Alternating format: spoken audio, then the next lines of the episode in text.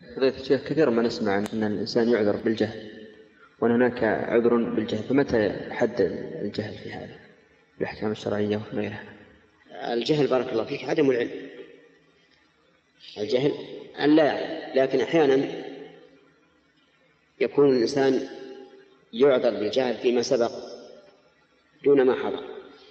مثال ذلك ما ورد في الصحيحين من حديث أبي هريرة أن رجلا جاء فصلى. صلاة لا يطمئن فيها. ثم جاء فسلم على النبي صلى الله عليه وآله وسلم فقال له ارجع فصلي فإنك لم تصلي. كرر ذلك ثلاثا فقال والذي بعثك بالحق لا أحسن غير هذا فعلمه فعلمه ولكنه لم يأمره بقضاء ما مضى لأنه كان جاهل وإنما أمره أن يعيد الصلاة الحاضرة.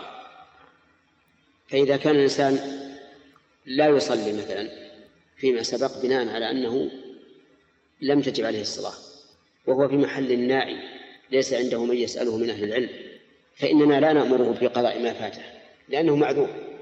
أما إذا كان في بلد فيه العلماء ولكنه فرط فهذا لا يعذر في جهله. ويقع هذا كثيرا في في النساء. تحيض وهي صغيرة فتظن أنها لم تبلغ بناء على أن البلوغ لا يكون إلا بتمام خمسة عشرة سنة فتجدها تدع الصيام. بناء على أنها لم تبلغ ثم تأتي بعد ذلك تسأل تقول إنها حاضت مثلا وبقت سنتين أو ثلاث لم تصم رمضان. هل تقضي؟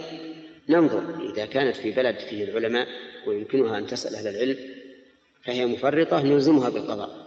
وإذا كانت في مكان بعيد عن العلماء كأهل البادية فإننا لا نلزمها بالقضاء لأنها جاهلة ومعذورة. ليس عندها من تسأل وليس العلم الشرعي متداول في البادية فتعذر.